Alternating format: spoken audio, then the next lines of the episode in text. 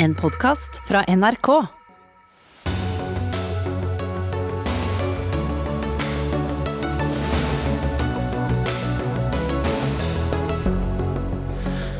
Siv Jensen trekker seg som Frp-leder, peker på Sylvi Listhaug som mulig etterfølger, og blir med i Dagsnytt 18. Viggo Kristiansen fikk medhold i gjenopptakelseskommisjonen. Saken om barnedrapene i Baneheia blir gjenopptatt, og kommisjonens leder stemte mot gjenopptakelse. Hun kommer til Dagsnytt 18. Elektrifisering av sokkelen blir for dyrt og har ingen virkning på klimaet i verden. Det mener NVE-direktøren. Vi må elektrifisere, svarer oljenæringen. Og arbeidstakere som ikke får komme på jobb i Norge pga. pandemien, får ingen lønnskompensasjon. Under enhver kritikk, mener Arbeiderpartiet. Ja, Det er noen av sakene i Dagsnytt 18 denne torsdagen, der vi starter med avgangen til Siv Jensen. Og det å ta dette valget, det har ikke vært lett. Men jeg er helt overbevist om at det er et uh, riktig valg, både for partiet og for meg. Jeg har i alle mine år som partileder sagt uh, at dette er en uh, jobb og en livsstil som krever 120% 24 timer i døgnet, året rundt. Og dere har hørt, Mange av dere har hørt meg si det òg, at jeg må revurdere situasjonen hvis evnen min til å yte reduseres. Ja, det sa du for ganske få minutter siden, Siv Jensen. Du er nå med direkte fra vandrehallen i Stortinget, og jeg må nesten gjenta det, selv om du da sa det senere på denne pressekonferansen. Hva er hovedbegrunnelsen for at du nå går av? Hovedbegrunnelsen for det er at jeg trenger å være litt mindre Frp-siv og litt mer til stede for familien min. Jeg vil være sammen med nevøene mine og se de vokse opp. Jeg vil være en bedre søster for mine søsken. Jeg vil være mer fysisk sammen med moren min enn å bare snakke med henne på telefon. Og så vil jeg ha mer tid til meg selv.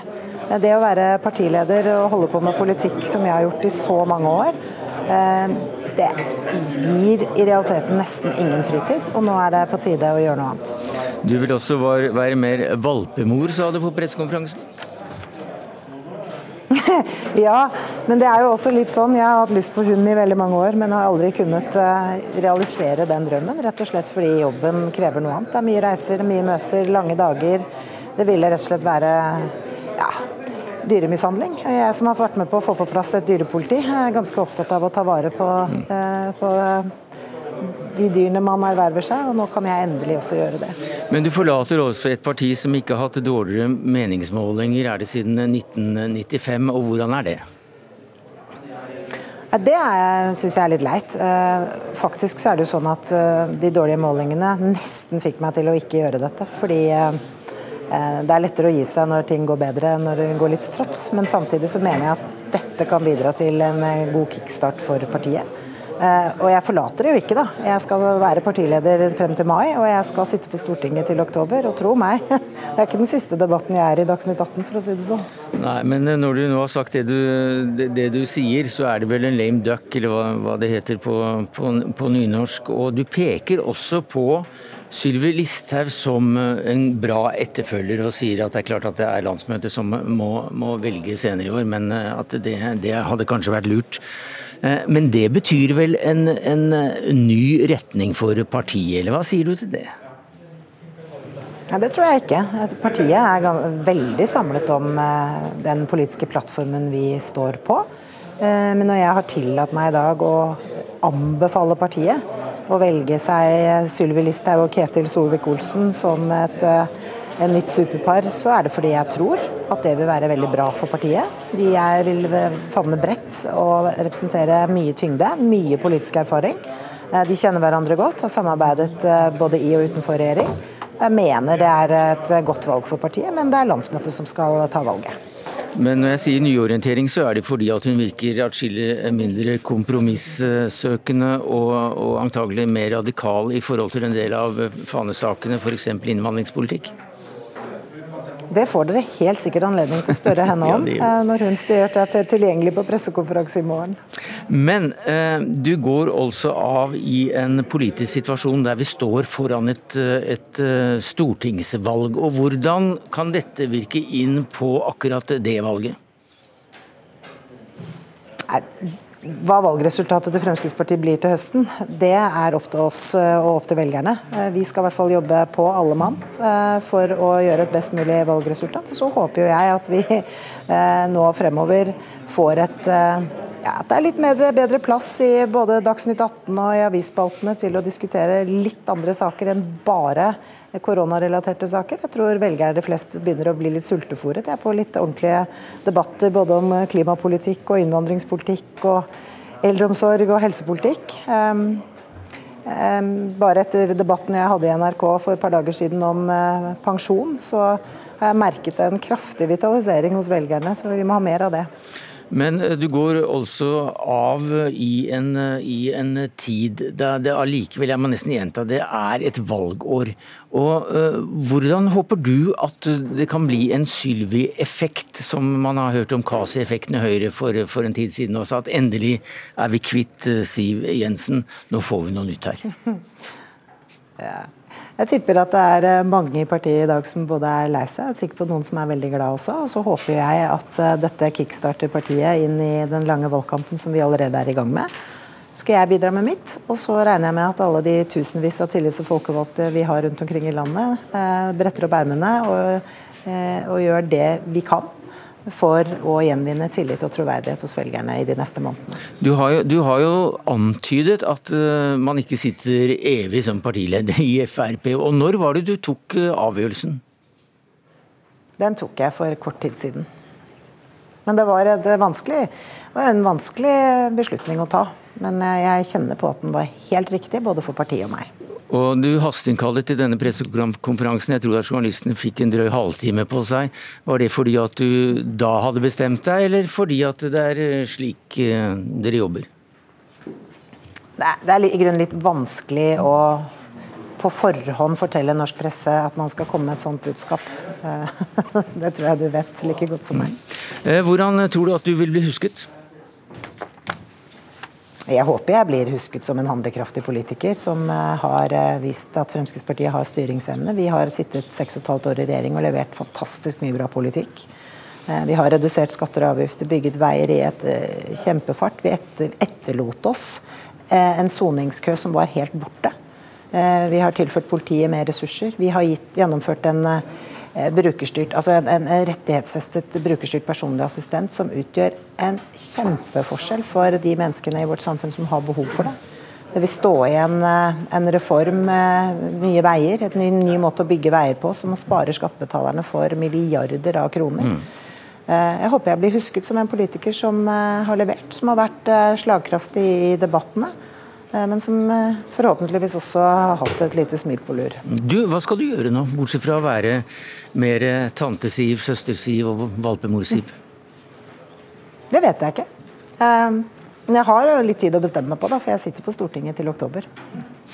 Eh, takk skal du ha, eh, Siv Jensen. Eh, du snakket nesten som en politiker, men det er du også fremdeles. Men snart er du det også ikke. Og Carl I. Hagen, tidligere partieier. Eh, hvordan tror du Siv Jensen vil bli husket? Jeg tror hun vil bli husket som en veldig handlekraftig politiker. Alle husker henne da jeg gjorde henne til fraksjonsleder i finanskomiteen i 1997, når hun kom inn for første gang. Og hun hamlet opp med Per Christian Foss på en veldig veldig god måte. Så ble hun leder i finanskomiteen og handlekraftig. Og så brakte hun Fremskrittspartiet inn i regjering og fikk gjort uh, veldig mye ting. Så hun er den som la oss si, videreførte arbeidet med Fremskrittspartiet fra et rendyrket opposisjonsparti til å komme i regjering og vise at våre statsråder gjorde veldig god jobb, veldig, veldig mange av de, så Det er det som er hennes eh, store fortjeneste. Dere har jo ikke alltid vært eh, like enige om den politiske retningen, men eh, hvordan vil du huske henne? Jeg vil huske henne som en ung, dynamisk jente. Som kom inn som en stormvind i norsk politikk i 1997, etter at jeg hadde for så vidt fulgt henne litt fra Oslo bystyre.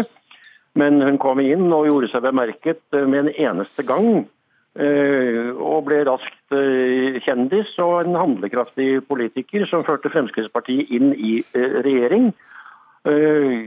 Så hun har vært en formidabel kraft på det området. Men det er riktig som du sier, vi har vært litt uenige av og til om strategiske valg. Eh, men det var sunt og godt. I et parti med høy takhøyde må man kunne diskutere saker. Var det på tide? Jeg hørte selv at hun sa at dette for så vidt gir en ny giv for partiet, og det er jo helt riktig. Hun på en måte, hun vil sikkert ikke si det selv, men jeg vil ikke se bort ifra at hun har sett at nå trengs det en ny giv i Fremskrittspartiet, og det får man alltid når det er et eh, lederskifte. Eh, og Jeg skal ikke ta stilling til, men jeg vet jo at både Sylvi Listhaug og Ketil Solvik-Olsen har gode navn og er handlekraftige. Og, og Hvis valgkomiteen raskt innstiller på de to, så vil det gå smertefritt. og Da vil de selvsagt, eh, og særlig hvis det er Sylvi som pekes ut som leder, være den som Eh, raskt kommer inn i mm. alle de debatter som er naturlige for den fremste politiker i ethvert politisk parti frem mot et stortingsvalg. Jo, men Nå så du det gjennom Siv Jensens øyne, men hvis jeg spør deg, Carl I. Hagen, syns du at eh, det var på tide at hun gikk? Jeg konstaterer at eh, det har vært en viss diskusjon, men at hun nå valgte å tre til side. Hennes forklaringer må vi bare ta for god fisk. Men hva syns du? Hva syns du? Hun har gitt hvert fall partiet nå en ny giv, og nå vil partiet kunne samles om de som blir valgt som de nye lederskikkelsene i Fremskrittspartiet. Eh, og allerede på et møte neste uke skal man drøfte strategi. Og da vil det være de nye eh, fremkommende ledere som vil være mm. de toneangivende, og ikke verken Siv Jensen eller meg som avdanka politiker fra lenge siden. Takk skal du ha, Carl I. Hagen, tidligere Frp-leder. Eirik Mosven, du er eh, politisk redaktør i Avisa Oslo. Tidligere politisk kommentator og journalist i mange år i, i Verdensgang. Hvorfor tror du Siv Jensen gikk av nå? Jeg tror på en måte at det skyldes, uten at jeg veit dette, så tror jeg det skyldes at hun på sett og vis har eh, gitt opp eh, litt det prosjektet som var hennes. Eh, det har vært vanskelig å se for seg hva som skulle være Siv Jensens vei videre nå. Eh, for eh, selv om det absolutt er sånn at hun kommer til å bli huska som en dyktig og sterk politiker og en sterk leder av Frp, med de beste valgresultatene i partiets historie, tok dem inn i regjering, så vil hun også bli huska for én ting til, nemlig at hun kasta kortene og orka ikke mer i regjering. Det vet alle som fulgte norsk politikk tett på den tida. Skjedde mot hennes vilje, i hvert fall innledningsvis. Også Sylvi Listhaugs vilje.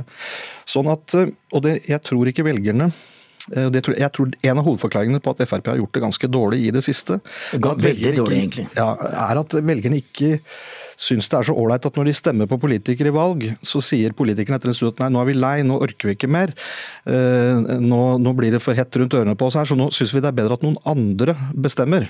Og det var det, eh, det var det, Siv Jensen og Frp gjorde i januar i fjor, og det ligner til forveksling på det Torbjørn Jagland gjorde da han stilte et ultimatum til folket.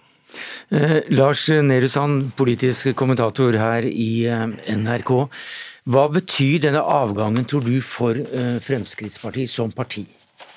Det er jo et forståelig, men også modig valg for Frp. Det er ikke gitt at dette er det som skal til eh, når eh, etterfølgeren også hefter ved tiden i Solberg-regjeringen.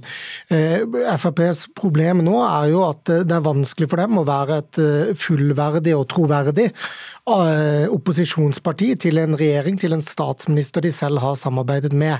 Det problemet, problemet blir ikke løst selv om, eh, selv om, Siv Jensens ansikt blir borte fra partilederkontoret. Det som eh, selvfølgelig er riktig, er at Listhaug er i en, tilhører en annen del av partiet og, og har bred støtte der. Hun vil nok med litt annen innfallsvinkel kunne kritisere Solberg enn det Jensen har kunnet i tiden etter regjeringsexiten. Eh, men at dette vil gi noe eh, eh, ja, vedvarende hopp på målingene inn mot stortingsvalget for Frp, det er ikke gitt. Fordi posisjonen til Frp som parti i partilandskapet er fortsatt ganske lik det den var i går. Det som kan være annerledes, er jo at, at Frp nå vil kunne starte en mer langsiktig jobb inn mot stortingsvalget i 2025 og definere et uh, annet politisk prosjekt. Og Det vil Sylvi Listhaug kunne starte med blanke ark og, og, på en helt annen måte enn det Siv Jensen hadde kunnet hvis hun hadde fortsatt til 2023, som var det som lå i kortene. Ja, jeg tror for så vidt at det første vi kommer til å se, er at Frp gjør et byks på målingene. Det er enig. Eh, men det er noe helt annet om det kommer til å vare, så jeg deler Lars sitt resonnement rundt det. Og Siv Jensen, nei, Sylvi Listhaug har heller ikke fått prøve seg som leder. Og det er noe vi ofte, vi som er politiske journalister, underkommuniserer til våre lesere og lyttere osv. er hvor mye vanskeligere det er å være partileder enn alle andre politiske jobber. Eh, ethvert parti, om det er stort eller lite, er meget avanserte eh, organismer som det er utrolig vanskelig å styre. Og hvorvidt Sylvi leser opp til det, det vet vi ikke. Nei, og I fortsettelsen av det så er det klart at det blir en annen valgkamp med Sylvi Listhaug som nummer én. Det har vi aldri vært borti før. Det er ganske nytt at partiledere velges inn i valgåret. Allerede har vi jo sett at både Guri Melby i Venstre og, og Kjell Ingolf Ropstad i KrF har eh, relativt, altså har ikke mange valgkamper bak seg som partiledere. Og det vil noen si kan hemme dem i valgkampen. Nå blir det enda et parti som da har skifta ut sin eh, toppfigur siden forrige valgkamp. Og, og, det vil gi en ny dynamikk. Spesielt uh, Sylvi Listhaug med sin distriktsstemme uh, i kamp mot Senterpartiet om en veldig viktig velgergruppe uh, mellom borgerlig side og, og rød-grønn side. blir spennende å se hva som, hva som, skjer. Det kan bli en annen valgkamp på Vedum nå enn det han hadde sett for seg i forrige uke. Men uh, Siv Jensen gjentok jo flere ganger at det selvfølgelig er landsmøtet som skal velge den neste lederen. Men er det noen tvil om at det blir Sylvi Listhaug? Nei, det tror jeg ikke det er noe særlig tvil om.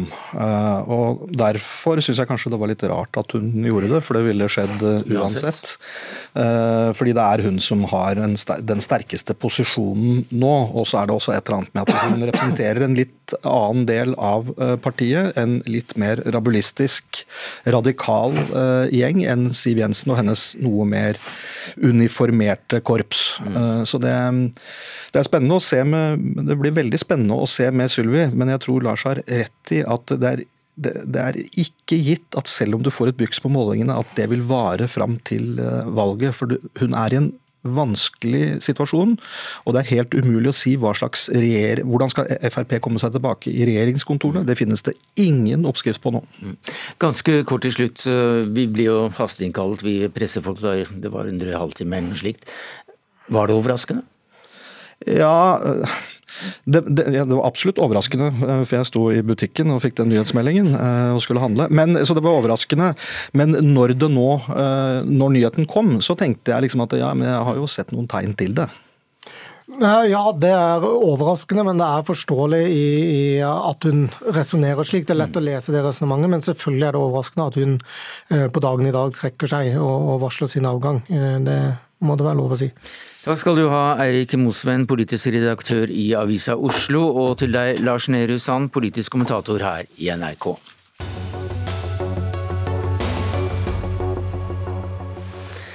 Drapsdømte Viggo Kristiansen får altså saken sin gjenopptatt etter syvende forsøk. Sammen med kameraten Jan Helge Andersen så ble han altså dømt for å ha voldtatt og drept to små jenter i Baneheia i Kristiansand våren 2000.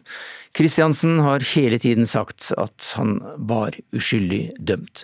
Kommisjonen for gjenopptakelse av straffesaker har brukt over tre år på å komme fram til denne avgjørelsen, og Siv Hallgren, du er leder av Kommisjonen for gjenopptakelse av straffesaker, som det formelt heter.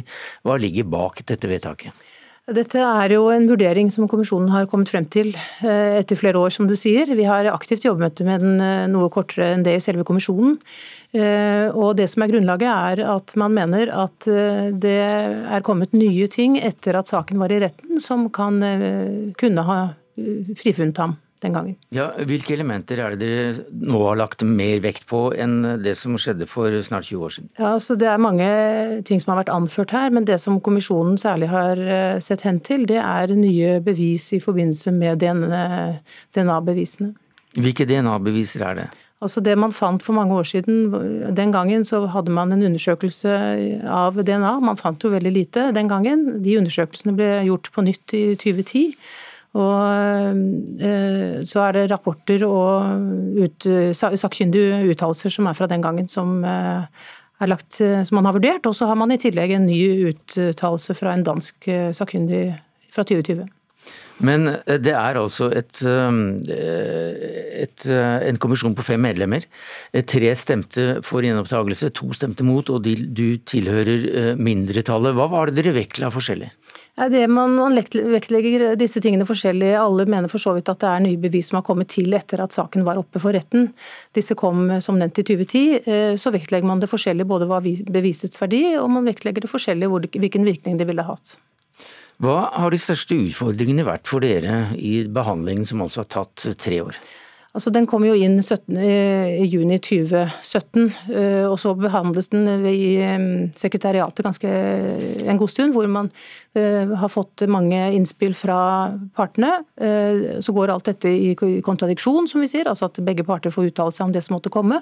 Og så etter hvert så kommer kommisjonen på banen. Og vi, det er en kommisjon som består av mennesker som har andre jobber, og vi møtes et visst antall ganger i året.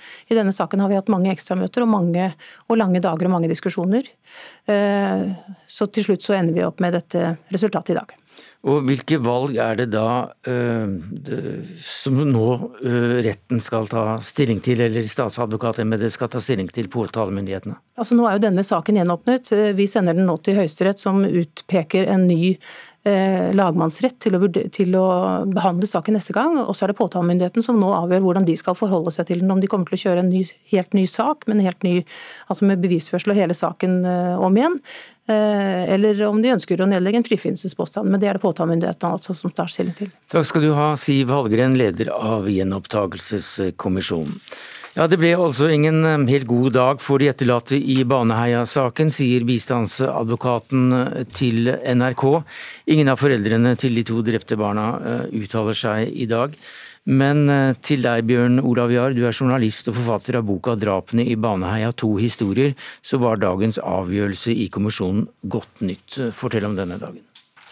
Uh, jo, altså jeg fikk jo vite beskjeden like etter klokken tolv. Uh, det begynte å komme inn meldinger på telefonen med, med sånn 'yes'. Uh, og ja, jeg må jo si at det var en veldig, veldig spesiell følelse. Og jeg er veldig glad for det. Jeg tenker at det er en gledens dag for rettssikkerheten i Norge at denne saken her nå blir gjenopptatt. Hva håper du kommer til å skje? Eh, jeg håper jo at eh, altså Jeg tenker at det helt åpenbare er at han må bli frifunnet eh, etter hvert. Hvordan det kommer til å skje, er jeg litt usikker på.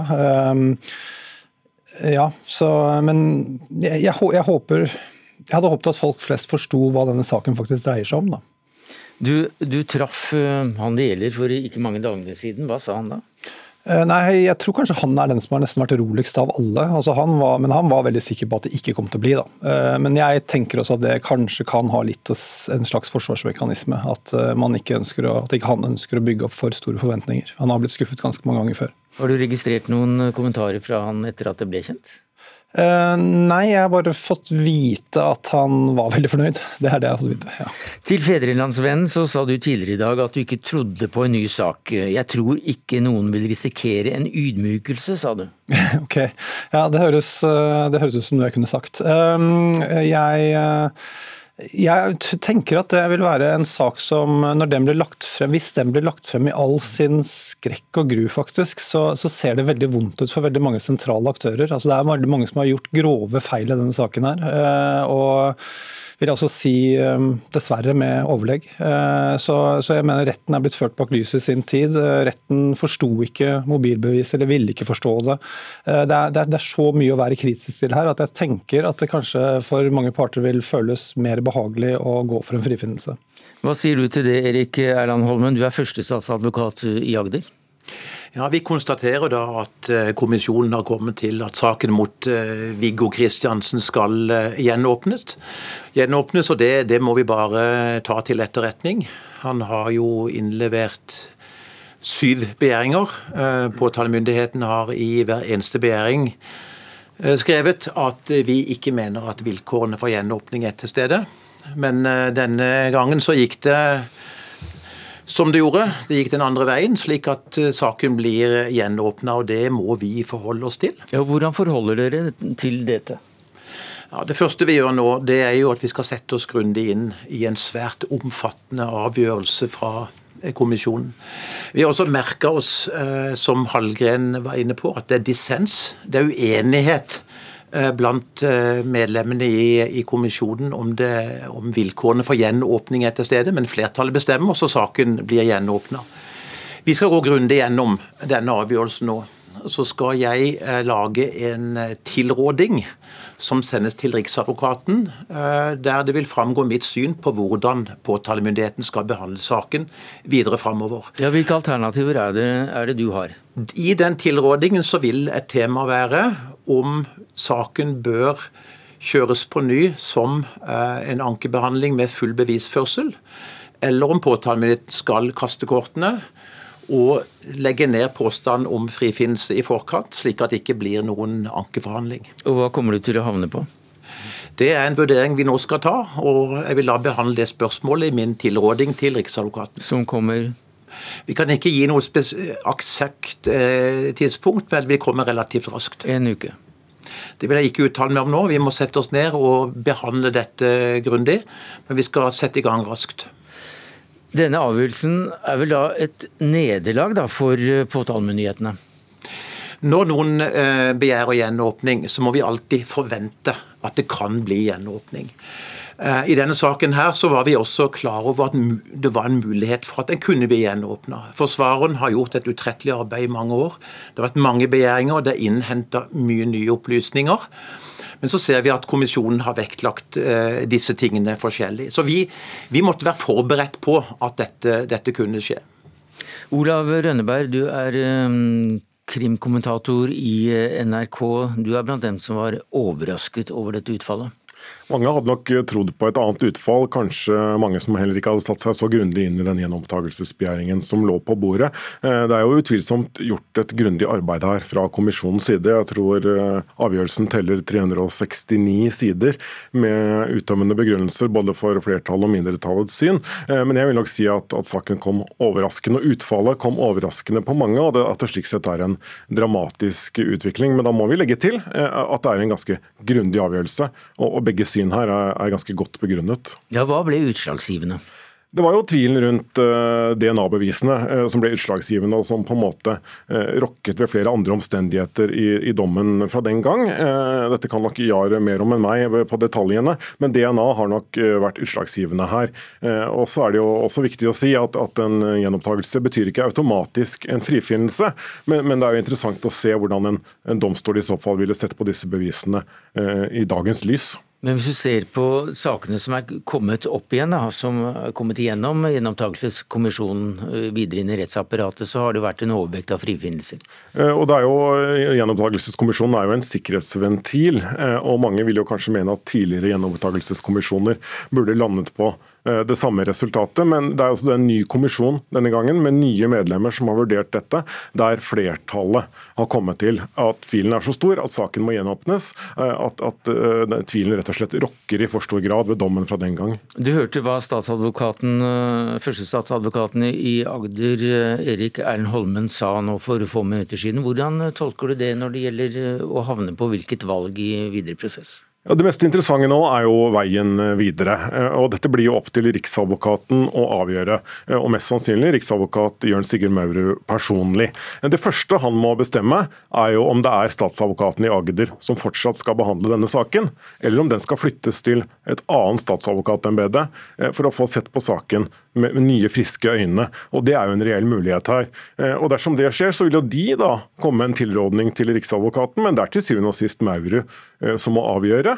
Og Da må han jo se på da, om han tror det er mulig å gjennomføre en ny rettssak med dette bevisbildet og være sikker på å få Viggo Kristiansen dømt på nytt. Eh, hvis ikke så er jo veien veldig kort til en eh, samtykke i en frifinnende dom. Jo, men Første statsadvokaten her hørte vi at skulle gi sin, sine råd. Det er jo tidlig ennå å si hvordan påtalemyndigheten vil behandle denne saken. Jeg tror man så vidt har rukket å snakke sammen i dag etter at dette kom, men det ligger jo til Riksadvokaten å bestemme veien videre. Det er jo slik at En domstol vil få oppdraget med å behandle saken, en, lagmannsrett som ikke har behandlet saken tidligere. Men Riksadvokaten er jo suveren. Han kan jo ta saken og flytte den et annet sted, dersom han mener at det er riktig. Bjørn Olav Jahr. Det er altså nesten 20 år, dette her. Hvis han blir frikjent, har det da vært et justismord? Ja, helt åpenbart. Eh, altså Hvis han blir frikjent, så blir han jo frikjent fordi han ikke har begått drap og voldtekt i Baneheia. Eh, så ja, det har vært et justismord da, ja. Mm. Hva slags sak har dette blitt? Uh, nei, altså det har vært en sak som altså Fra begynnelsen av så var det utrolig sterke følelser involvert. Uh, og Da de to ble arrestert, basert på funn av Jan Helge Andersens kjønnshår, så, så, var det jo en enorm lettelse. Og, og, Det jeg under mitt arbeid har sett, var at det var så, fantes jo ikke kritiske røster. Altså, med unntak av én journalist, så var, jo, var, jo, alle enige om veien videre. Altså, Viggo Kristiansen skulle også i spelet, og han var, han var på en måte den onde drapsmannen. Den som ikke snakket, den som ikke fortalte, den som ikke ville innrømme, erkjenne og gi folk fred og ro og var jo hatobjekt nummer én. Så, så, klart at han kom veldig skeivt ut. Eh, og, og, når retten også legger til grunn at det finnes et DNA-bevis altså De la til grunn at det var sikkert at det var to gjerningsmenn. Eh, det DNA-beviset er jo kraftig tilbakevist senere av, atskillige sakkyndige, sist den sakkyndige som kommisjonen oppnevnte. Og Dette DNA-beviset ble igjen brukt til å bygge opp under Jan Helge Andersens forklaring. Eh, altså Det retten ikke viste, var at Jan Helge Andersen hadde jo byttet forklaring på hvilken jente han hadde skulle ha forgrepet seg på. Veldig mange ting som politiet spurte om. Politiet sier i retten at Jan Helge Andersen forklarte seg troverdig. Altså, retten ble ført bak lyset på svært mange områder, eh, og på de viktigste bevisene ble de ført bak lyset. Og så var det det viktigste da, var at han hadde jo attpåtil et mobilbevis som viste at han hadde Eh, omfattende mobiltrafikk et annet sted enn åstedet, og likevel så ble det på en måte bare pulverisert ut av retten. Men nå får også Kristiansen en eh, ny sjanse. Eh, takk skal du ha, Bjørn Olav Jahr, til deg, Olav Rønneberg, og i Kristiansand, Erik Erlend Holmen.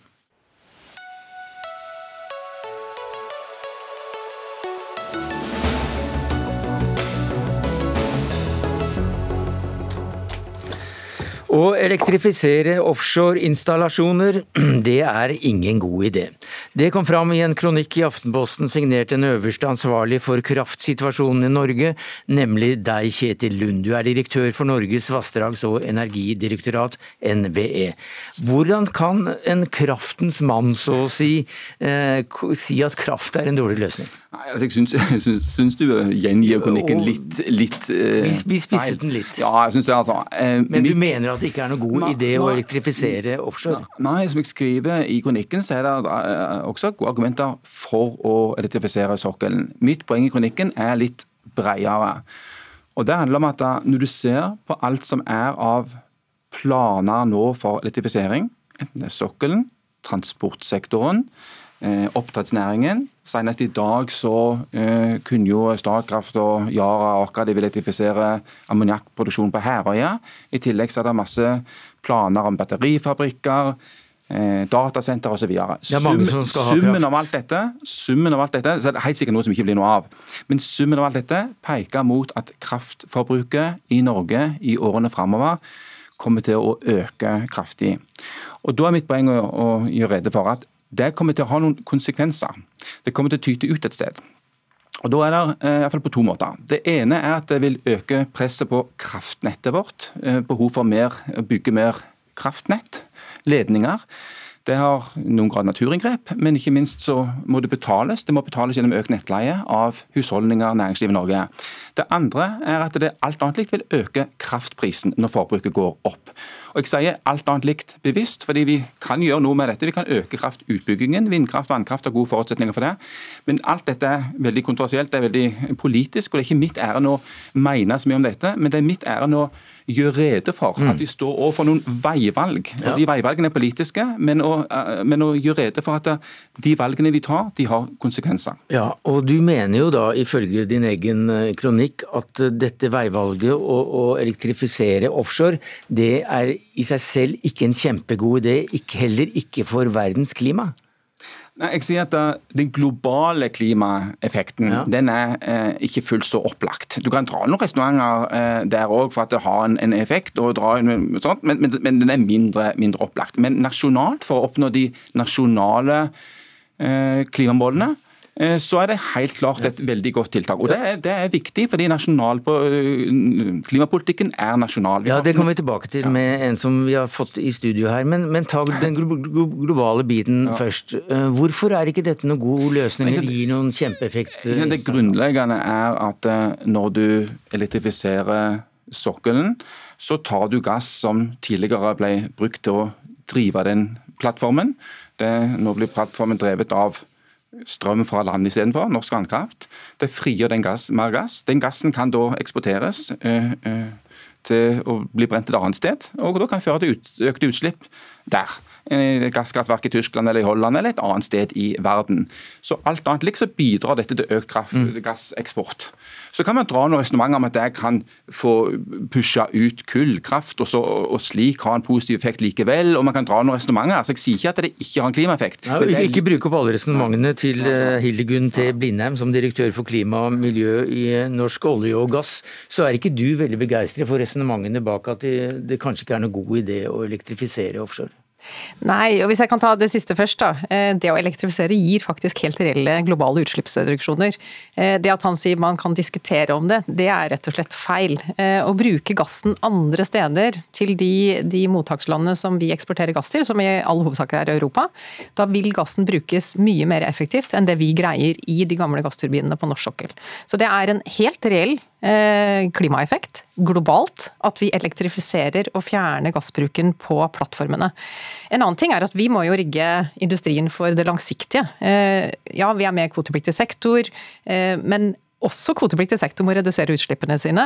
Så vi mener det er en veldig god idé. Og så er det jo selvfølgelig det poenget som, eh, som Kjetil nevner, og det er jo hvordan gjør vi det da på best mulig måte når så store deler av samfunnet skal elektrifiseres?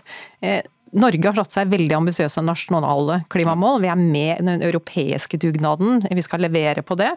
Vi ønsker at ny grønn industri som batterifabrikker eller hydrogenproduksjon skal etablere seg her. Eh, og vi trenger å elektrifisere veldig mye mer av alle sektorer. Transportsektoren, eh, byggesektoren, mer av industrien. Og da må vi, i stedet for å sette næringer opp mot hverandre, da, som jeg svarte opp eh, Kjetil Lund på i dag, så ja, mener jeg at vi skal diskutere i stedet konstruktiv. Hvordan skal vi møte det økende elektrifiseringsbehovet? Hvordan kan vi få til forsterkning av nett, slik at vi har strømmen der vi trenger den. For vi har et stort nasjonalt mm. nettooverskudd av mm. kraft i landet nå. Vi har muligheten til å elektrifisere det vi trenger fram mot 2030, men vi har den ikke nødvendigvis akkurat der den trengs nå. Men la oss ta det første først. Altså, øh, vi hører her at øh, det å elektrifisere offshore, jo, det har en, det har en bra øh, input på det globale miljøet. Ja, Det er etter mitt syn ikke eh, fullt så opplagt at, at, at, det har. Men det som er hovedpoenget mitt i eh, kronikken, det er at det, litt uavhengig av hva du mener om, om, om, den globale effekten, så vil det ha den effekten at det eh, ja, øker prisen på kraft i, i Norge. Eh, og medfører behov for ganske store eh, investeringer i nett i Norge. Så sier jeg, sier ikke i kronikken at det er feil, det skal vi ikke gjøre. Eh, det er sterke ambisjoner om å kutte utslipp i Norge. Det er sterke ambisjoner om å elektrifisere både sokkelen og andre områder i Norge. Mitt eneste poeng er å si at de valgene vi gjør, de har konsekvenser. De tyter ut et sted. Og Hvis man velger å bruke veldig mye av kraften vår på å elektrifisere sokkelen, og i tillegg velger å ikke bygge ut mer kraft, ja, da må du ikke bli veldig overrasket etterpå om kraftprisen går opp. Det betyr økte regninger for noen, og det betyr eh, vanskeligere for å finne lønnsomhet for andre næringer som kanskje også ønsker å elektrifisere. Dette er politiske valg. Mitt ærend er å si at det, eh, det er valg. Eh, men her har jo allerede, det er et bredt flertall på Stortinget for våre nasjonale mål. Ja. Eh, det er ikke noe tvil om at vi må elektrifisere. Og det vi som næring gjør, er jo at vi nå jobber bredt med fagforeninger som LO, Industri Energi, Fellesforbundet og resten av, av NHO-familien med Energi Norge, med Norsk Industri akkurat nettopp for å komme med konstruktive, konkrete innspill til hvordan vi skal møte dette, uten at vi får altfor mye økte kostnader. Hvordan vi skal få til nettutbyggingen. Og så skal vi ikke glemme det, at når vi eh, som bransje kommer til å trenge mer kraft, så vil vi også være nødt til å betale anleggsbidrag. Vi vil være med på nettopp den jobben og forsterke den nettkapasiteten, som ikke minst vil muliggjøre etableringen av ny grønn industri i de områdene som nå ikke har nok overføringskapasitet. Så dette er eh, vinn-vinn, og det er det jeg ønsker med at NVE er konstruktivt med. Ikke spisser problemstillingen, men blir med i en konstruktiv debatt. Hvordan skal vi møte det? Ikke si vi må velge den ene eller andre næringen skal bruke strømmen, for det er det ikke nødvendig. Det er ikke nødvendig. Nei, men Da kan dere ta den konstruktive debatten som, eh, som vi har begynt nå, eh, men, men utenfor inngangsdøra, for vi må nesten til neste sak. Det har vært tale av sentralbanksjef sjefen, og det må vi få med oss. Takk skal dere ha.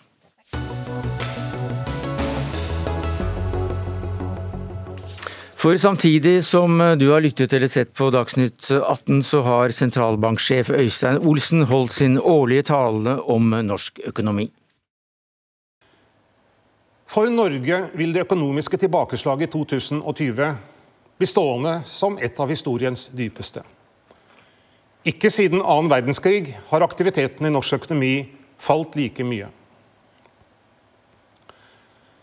Krisen har rammet skjevt. Smitteverntiltak og frykt for smitte har gitt et kraftig fall i tjenesteforbruket.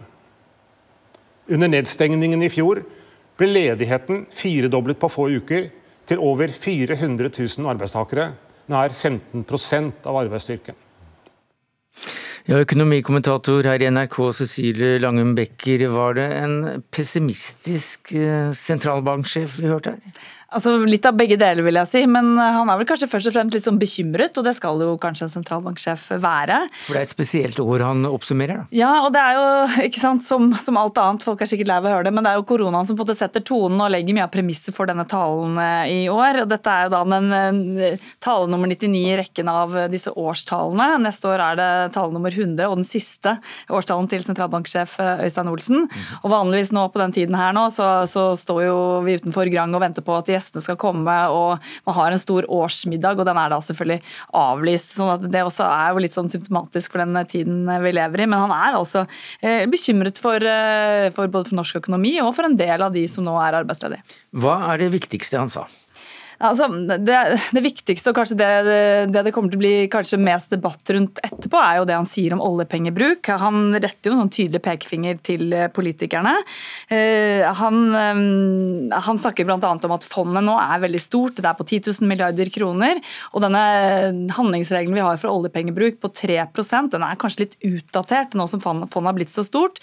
3% av 10 000 milliarder, det er et veldig stort tall. Man hadde aldri trodd at oljefondet skulle bli så stort som det har blitt. Vi er mye mer sårbare for svingninger i fondet. Plutselig kan fondet, fondet faktisk falle med et par tusen milliarder kroner. Det vil jo gjøre handlingsrommet for politikerne mye mindre i et, den type år.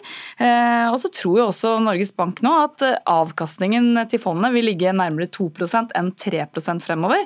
Og hvis vi da fortsetter å bruke 3% så vil det da spise av fondet. Og da fungerer jo ikke denne evighetsmaskinen som vi har funnet opp, ved at vi bare bruker av det som da er avkastningen. Sentralbank sentralbanksjefen i et land som altså har 10 000 milliarder kroner på bok, er også da bekymret. og Han sa også at andelen av langsiktig er større enn ved tidligere kriser. Eh, hva la han i det? Andelen langsiktig arbeidsledige? Ja. Eh, nei, eh, han, altså denne krisen rammer jo veldig skjevt. De som tar støyten i arbeidslivet nå, det er de med lav utdanning, lav lønn og en del også svakere språkkunnskaper. Så de som nå er ledige, de sliter jo med å komme seg inn i andre type jobber. Mange kommer fra yrkesgrupper der hvor du ikke har så mange andre alternative steder å gå. Så han er jo redd for at mange av disse nå blir skjøvet ut av arbeidslivet for godt, og at mange av disse jobbene ikke vil komme tilbake. Sånn at eh, Han tror at vi vil se en del uheldige langtidseffekter av korona i det norske arbeidslivet. Og Neste år så er det altså da den hundrede talen som skal holdes, og hans siste. Takk for at du kommenterte årets tale, økonomikommentator i NRK Cecilie Langum.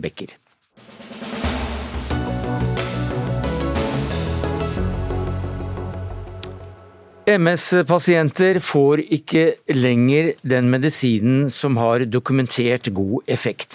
Begrunnelsen var at denne medisinen ble billigere.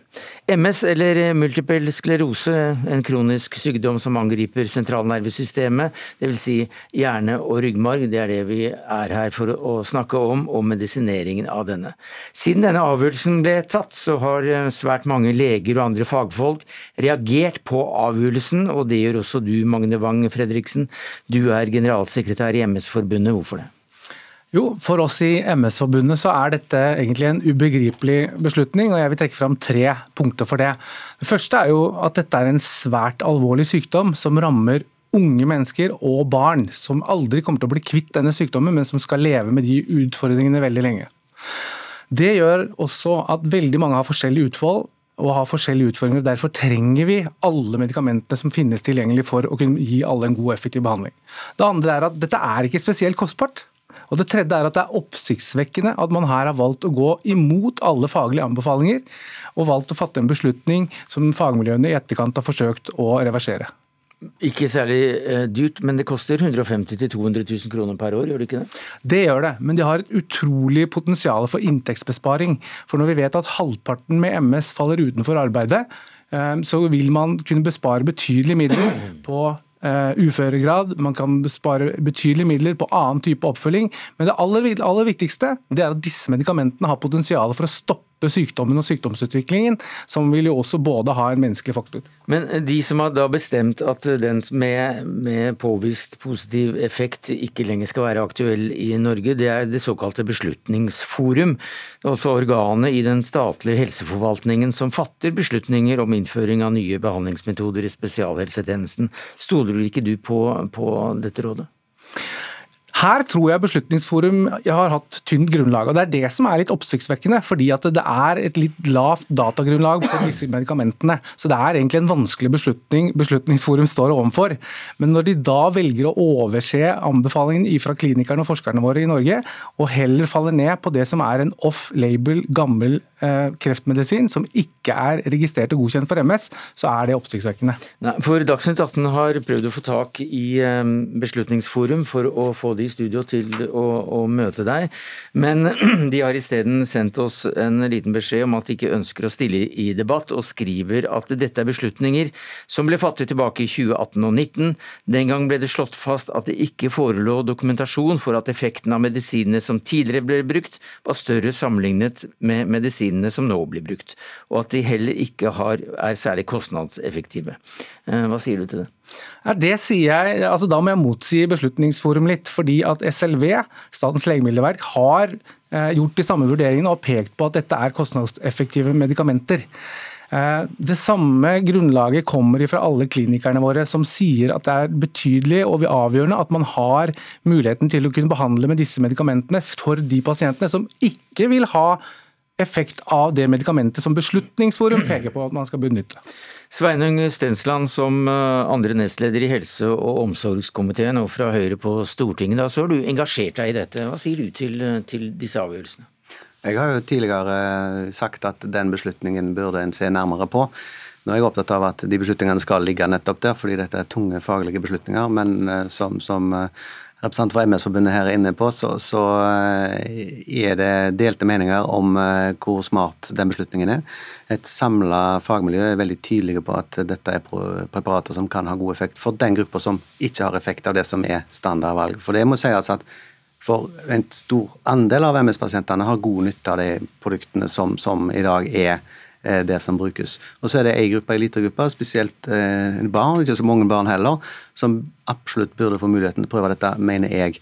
Men eh, skal en få det på plass, så må Beslutningsforum inn og gjøre en, en ny vurdering, og det er det jeg har anmoda om.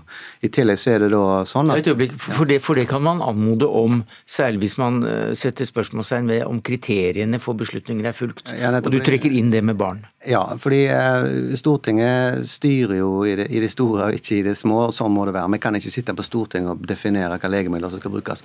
Men vi har samle oss, eh, alle partiene, omtrent rundt noe som vi kaller for prioriteringsmeldingen, som har trukket opp noen prioriteringskriterier. Det er nytte, ressurs- og alvorlighetskriterier som skal være førende for disse beslutningene. Og jeg mener at nyttekriteriet kanskje bør ses på litt nærmere når det gjelder barn. fordi Spesielt for en bremsemedisin som kan hjelpe barn med MS-sykdom, så vil det være ekstra god grunn til å komme inn med den beste terapien for de som trenger den.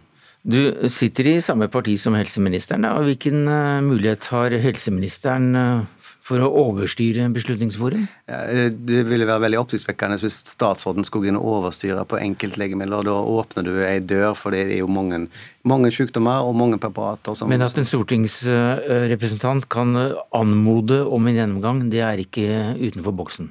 Nei, jeg forbeholder meg retten til å mene om smått og stort jeg, når det gjelder denne type ting. Når, når du møter både pasientorganisasjoner og ikke minst eh, spesialistene på området, som er så tydelige. og Jeg var i en, en runde med MS-forbundet tilbake i 2018 og 2019 om dette, og jo i fjor. Så dette har vært et tema. Mm. Så der mener jeg at vi må kunne peke på. Men det å overstyre Beslutningsforum, det blir feil. Men jeg har jo vært utålmodig med Beslutningsforum flere ganger, og jeg tok jo til orde for en, en, en, evaluering av Beslutningsforum som nå er igangsatt. Nettopp fordi at det er en del pasientgrupper, sjeldne diagnoser, barn og andre som gjerne kommer litt uheldig ut av disse store beslutningene i noen tilfeller. Ser du positivt på, på fremtiden? Ja, absolutt. Vi trenger, vi trenger aktive eh, politikere. Men det er klart at eh, man skal ha forståelse for at det er vanskelige beslutninger. Men når et samlet fagmiljø og brukere roper i samme koret og ser konsekvensen av disse beslutningene, så mener jeg at Beslutningsforum må komme eh, til bordet og, og, se på dette igjen. Men til bordet kom de altså ikke. De har sikkert sine grunner til eh, det. Eh, Magne Wang Fredriksen, generalsekretær i MS-forbundet, takk skal du ha. Sveinung Sten Stensland, stortingsrepresentant for eh, Høyre, andre nestleder i helse- og omsorgskomiteen. Takk skal du ha.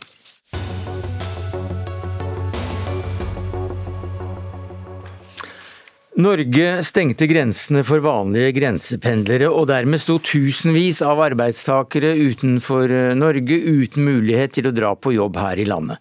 Og er eh, du ikke permittert, ja så får du heller ingen lønnskompensasjon i noen form, til tross for at du kanskje har betalt skatt til Norge i 20 år. Elise Bjørnebekk Vågen, du er stortingsrepresentant for Arbeiderpartiet fra Sarpsborg, og du er medlem av arbeids- og sosialkomiteen. Dette er du opptatt av, hvordan vil du beskrive situasjonen? Jeg vil beskrive situasjonen som dramatisk for de som står i den her og nå. Det som hendte, var jo at grensene ble stengt 29.1. Og med det så mista mange arbeidsfolk inntekten sin over natta. De kan ikke dra på jobb fordi at grensene er stengt. og Det handler jo om smittevern, dette med stengte grenser. Men det vi diskuterer her og nå, handler om hva vi skal gjøre for de som ikke kan dra på jobb når grensene er stengt. Og Da mener jeg og Arbeiderpartiet at når vi har stengt grensene og sørger for at arbeidsfolk ikke kan komme på jobb, og det å tjene penger, da er vi nødt til å stille opp for dem. Ja, hvor, ja, hvordan, har, ja. hvordan da? Nei, Det handler om å få på plass en form for økonomisk kompensasjon. Til daglig så har jo de opparbeida rettigheter. De, hadde de blitt permittert, så hadde de fått dagpenger. Hadde vi vært syk, så hadde vi fått sykepenger. Men dette er et hull i sikkerhetsnettet vårt, fordi vi ikke har stått overfor den situasjonen før. Og det hullet mener vi må tettes raskt. Hva sier du til det, Vegard Einan? Du får svare på dette som statssekretær i Arbeid- og sosialdepartementet. Ja, Det er jo riktig at eh, da vi stengte grensen, så var det av hensyn til smittevern. Og ikke minst situasjonen i Norge, som var veldig uoversiktlig. Eh, men kanskje også spesielt situasjonen i land rundt oss. Og det var stor frykt for hvilken effekt importsmitte kunne ha. Så det var viktig å stenge grensen kjapt. Jo, det, det, er ingen som betviler de gode motivene for å stenge grensene. Men når du ser eh, hvilke effekter det har for vanlige arbeidstakere som altså kanskje har betalt skatt i Norge i 20 år, og som nå ikke får en øre fordi at de ikke er permitterte pga. at kriteriene ikke er eh, oppfylt, men allikevel da står uten inntekt?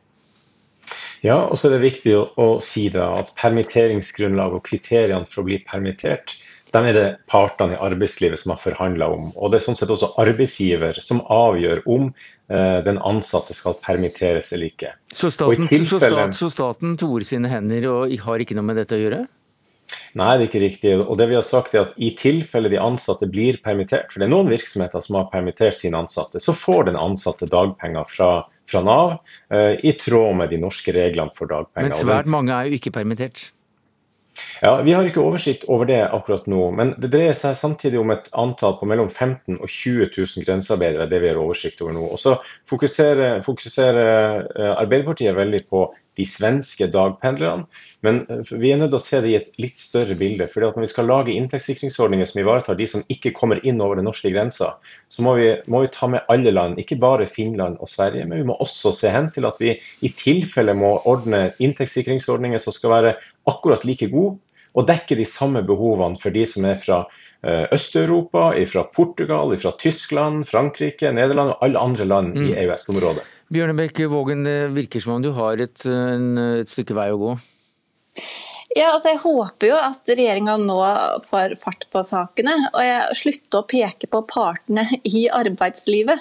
Fordi at eh, Einan, statssekretæren, vet like godt som meg at hvis man skal permittere, så må det jo være bortfall av oppdrag. Men det er jo ikke det som er tilfellet i veldig mange bedrifter. De har mer enn nok å gjøre, men folk kommer seg ikke på jobben sin fordi at grensene er stengt. Og når myndighetene har stengt grensene, så må myndighetene ta ansvaret. Det her handler om skattebetalere som har jobba og betalt skatt til Norge, mange av dem i mange mange år. Da er det bare rett og rimelig at vi mm. stiller opp. Einan. Ja, Det er eh, riktig at det er eh, bortfall av arbeid som er kriteriet. Og det er partene i arbeidslivet som definerer hva som er kriteriene for å permittere de ansatte. Eh, men når det er sagt, så tar vi til etterretning at partene mener at det ikke er grunnlag.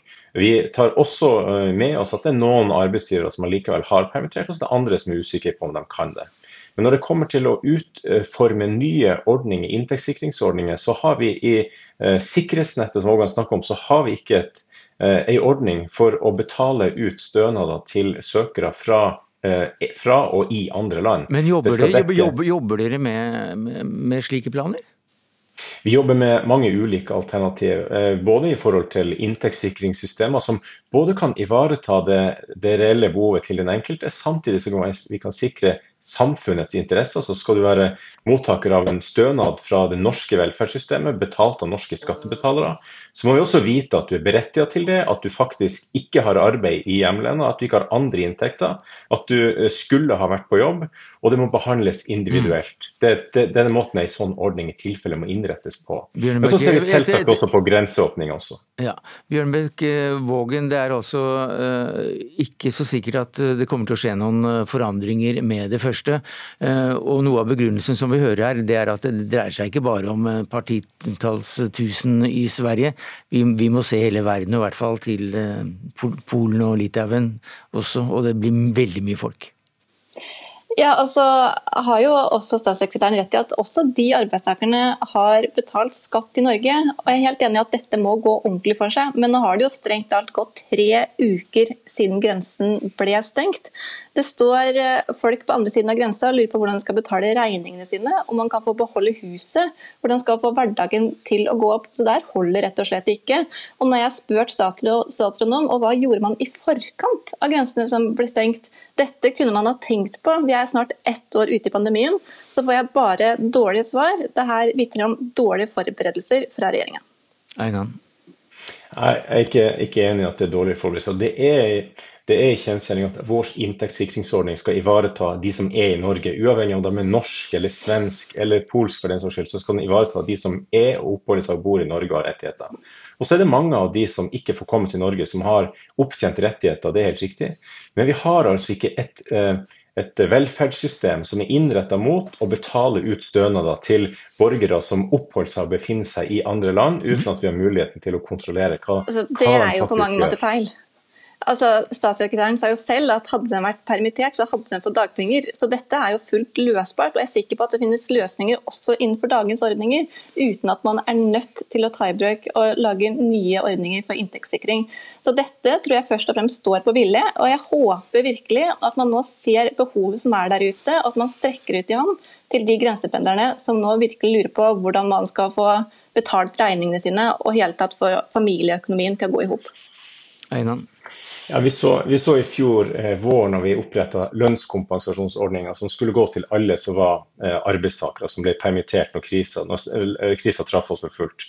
Det, ble, det, var en ny ordning som, eh, hvor vi ikke hadde hatt erfaring med den før. Vi hadde ikke hatt muligheten til å kontrollere hvordan vi skulle sørge mm. for å redusere misbruk. Det ble eh, veldig stort misbruk. Det var veldig mange kreative eh, aktører som klarte å lure til seg penger fra fellesskapet. Okay, og Det er det, det vi må... ønsker å motvirke og forebygge nå. Ja. Ingen skal få jukse seg til penger fra fellesskapet øh, med uærlige hensikter. Det sa altså Vegard Einan, statssekretær i Arbeid- og sosialdepartementet. Takk skal du ha, Elise Bjørnbekk Vågen, øh, stortingsrepresentant fra Arbeiderpartiet og arbeids- og sosialkomiteen, da fra Sarpsborg. Det var det vi rakk i Dagsnytt 18 denne torsdagen. Ansvarlig for det hele var Dag Dørum. Det tekniske ansvaret hadde Frode Thorshaug. Jeg heter Sverre Tom Radøy. I morgen er det Sigrid Solund i studio.